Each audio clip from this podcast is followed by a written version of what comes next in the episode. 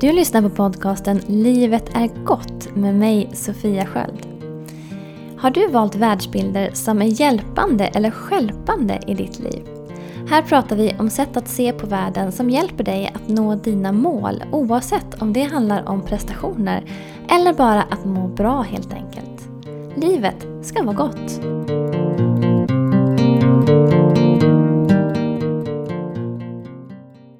Hej och välkommen till det sjunde avsnittet av podcasten Livet är gott. Jag heter Sofia Sköld.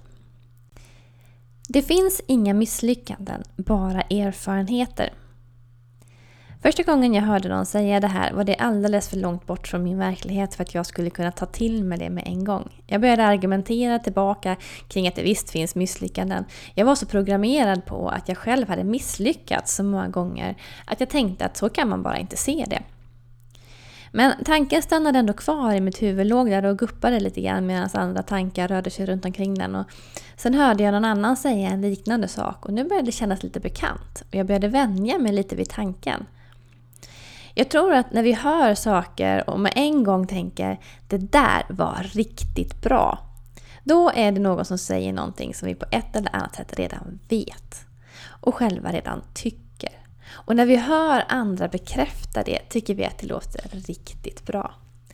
Men när vi hör någon säga någonting som är ett helt nytt sätt att se på något så kan det ibland ta lite tid för oss att verkligen ta det till oss. Ibland till och med bara avvisar vi det. Vi kanske till och med tycker att det är lite galet eller rent av knäppt. Men ibland, om det egentligen är någonting som skulle passa oss och vi är öppna och intresserade av att utvecklas, så kanske tanken ändå får lite fäste någonstans och får ligga där och gro. Och så var det för mig med den här tanken. Tanken är ju egentligen ganska enkel. Ibland gör vi saker som inte blir som vi har tänkt oss. Och då kan vi välja att se på det som ett misslyckande eller som en erfarenhet. Ser vi på det som ett misslyckande är det väldigt lätt att känna sig misslyckad som person. Och det blir något väldigt betungande. Vi kanske grämer oss över det och tycker att det känns jobbigt att vi misslyckades. Ser vi det istället som en erfarenhet så blir det någonting som vi lär oss någonting av. Och därmed också någonting som kan vara värdefullt för oss. För om du tänker tillbaka på alla misstag du har gjort genom livet så ser du nog ganska enkelt att du lärt dig enormt mycket av dem. Skulle du idag vilja ha dem ogjorda? Med tanke på att det lett dig dit du är idag och gett dig den erfarenheten du nu har skulle jag tippa på att du antagligen inte skulle vilja ha dem ogjorda. Så beroende på hur vi ser på misstag så påverkar det vårt välmående på olika sätt. Om du väljer att se dem som misslyckanden blir det betungande och väljer du att se dem som erfarenheter blir de berikande. Jag har lagt upp en liten bild på, över detta på Instagram så om du inte redan följer mig där så hittar du mig under namnet sofiaskuld.se. För egen del har jag idag till och med tagit det hela ett steg längre. Jag tror inte det finns några misstag alls. Jag tror att allt som händer har en mening och att även det som till synes i stunden upplevs som fel i det långa loppet ändå har en betydelse som kommer att leda till någonting gott. Men nu kommer vi in på någonting som nästan kan kallas för lite andlighet. Om du tror att universum, Gud eller vad du väljer att kalla din högre makt, om du ens tror på en sån, har en högre plan för dig och för världen. Det har jag valt att tro, för det hjälper mig och jag mår bra av det. Men nu händer ju då ibland att man gör någonting som faktiskt skadar eller sårar en annan människa och då kan det ju vara läge att be om ursäkt, eller hur? Och hur går det då ihop med att anse att det inte finns några misstag? Jo, för det jag pratar om här är ju inte att vara obstinat och aldrig erkänna att man gjort fel. Tvärtom på ett sätt till och med skulle man kunna säga. För om man upplever alla misstag som misslyckanden blir det väldigt tungt att erkänna att man har gjort fel. Men om man ser det som en givande erfarenhet så blir det ganska mycket lättare. För det är klart att vi ska ta på oss och be om ursäkt för när vi gör misstag som skadar någon annan eller sårar någon. Det skulle ju upplevas som ganska provocerande om någon gör någonting illa och sen bara glatt deklarerat att det finns inga misslyckanden. Det är inte vad det här handlar om. Det handlar om hur hård du är mot dig själv. För ibland kan vi gå en hel dag och gräma oss över något som blev fel. Och verkligen puckla på oss själva och döma oss själva väldigt hårt en hel dag eller en hel vecka, i vissa fall månader och i värsta fall år. Vi säger saker till oss själva som är så illa att vi troligen aldrig skulle säga till någon annan som vi bryr oss om. En intressant tanke här är att zooma ut och fråga dig själv vad skulle jag säga till någon annan som hade gjort samma sak? Till en kompis eller kollega? Eller vad skulle jag säga till mina barn om jag har barn? Vi visar ofta väldigt mycket mer förståelse för andra och har lättare att hjälpa andra att se att det som skett faktiskt inte var så farligt ändå. Till andra kan vi säga, även kring de värsta sakerna, att okej, okay, men nu har du i alla fall bett om ursäkt och du är inte mer än människa.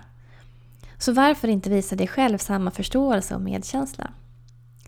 För sättet vi pratar till oss själva på har väldigt stor betydelse för hur vi upplever oss själva. Det påverkar vår självbild och vår självkänsla. Och det skapar känslor i oss som på olika sätt påverkar vårt hälsotillstånd, både psykiskt och fysiskt. Och en väldigt vanlig fälla att gå i här är att blanda ihop det här med att göra och att vara. Och om du har svårt att ta till dig konceptet av att det inte finns några misstag, så lyssna åtminstone på det här, för det här är viktigt. När vi ser på misstag som någonting som vi har gjort, så kan vi vara irriterade på att vi tänkte fel. Att vi gjorde någonting som blev tokigt.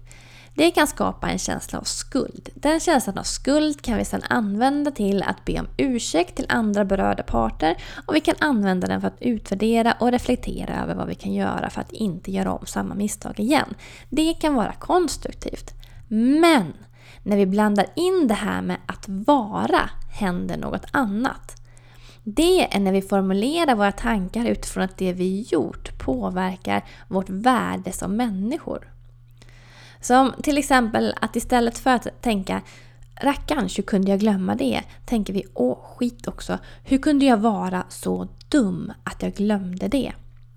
Vi kallar oss själva för dum, idiot, värdelös för att vi missat något. Eller sätter vi andra etiketter på oss själva utifrån vad som hänt. Jag är så tankspridd, klumpig, virrig och så vidare. Jag är en dålig mamma istället för jag fattade ett felaktigt beslut. Jag är kass istället för jag gjorde fel. Förlåt att jag är en sån idiot istället för förlåt att jag gjorde dig illa. Jag har gjort det här själv under många år. Jag hade en väldigt tydlig bild av hur jag ville bli som förälder, men det blev inte riktigt så. Så långt skulle nog de flesta känna igen sig, men för mig blev det verkligen ett problem. Min dotter sov inte genom nätterna så vi var uppe med henne flera gånger varje natt och hon hade svårt att somna om. Vi hade alltså, både jag och min man, en enormt stor sömnbrist. Ovanpå det så var den här lilla damen enormt mycket mer krävande på dagarna än vad jag hade kunnat drömma om. Och det här började sakteligen leda till att jag började ta slut. Jag orkade inte mer. Men jag var ju liksom tvungen att gå på ändå, för jag hade ju ett barn som behövde tas hand om.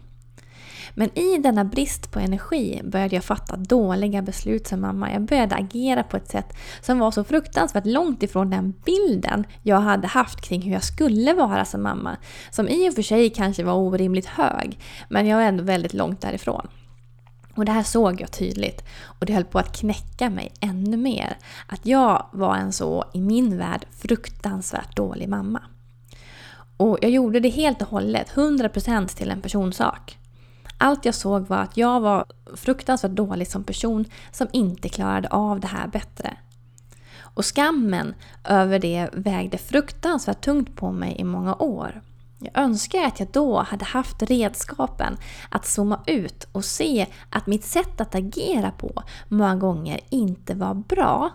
Men att det inte definierade mig som människa. För det faktum att jag gjorde det, att jag lät det definiera mig som människa, gjorde liksom ingenting bättre. Bara tvärtom.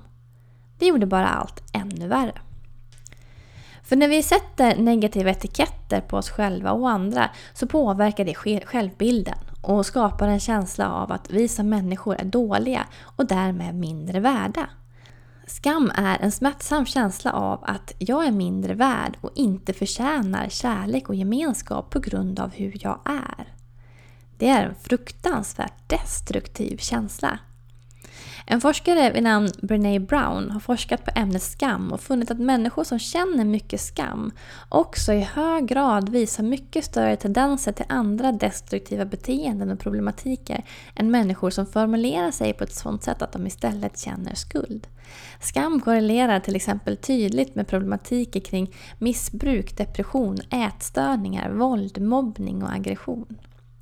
Och det hela handlar om hur du formulerar saker för dig själv. Om det är något du gjort eller om det är något du är. Ibland gör vi såklart även det här mot andra.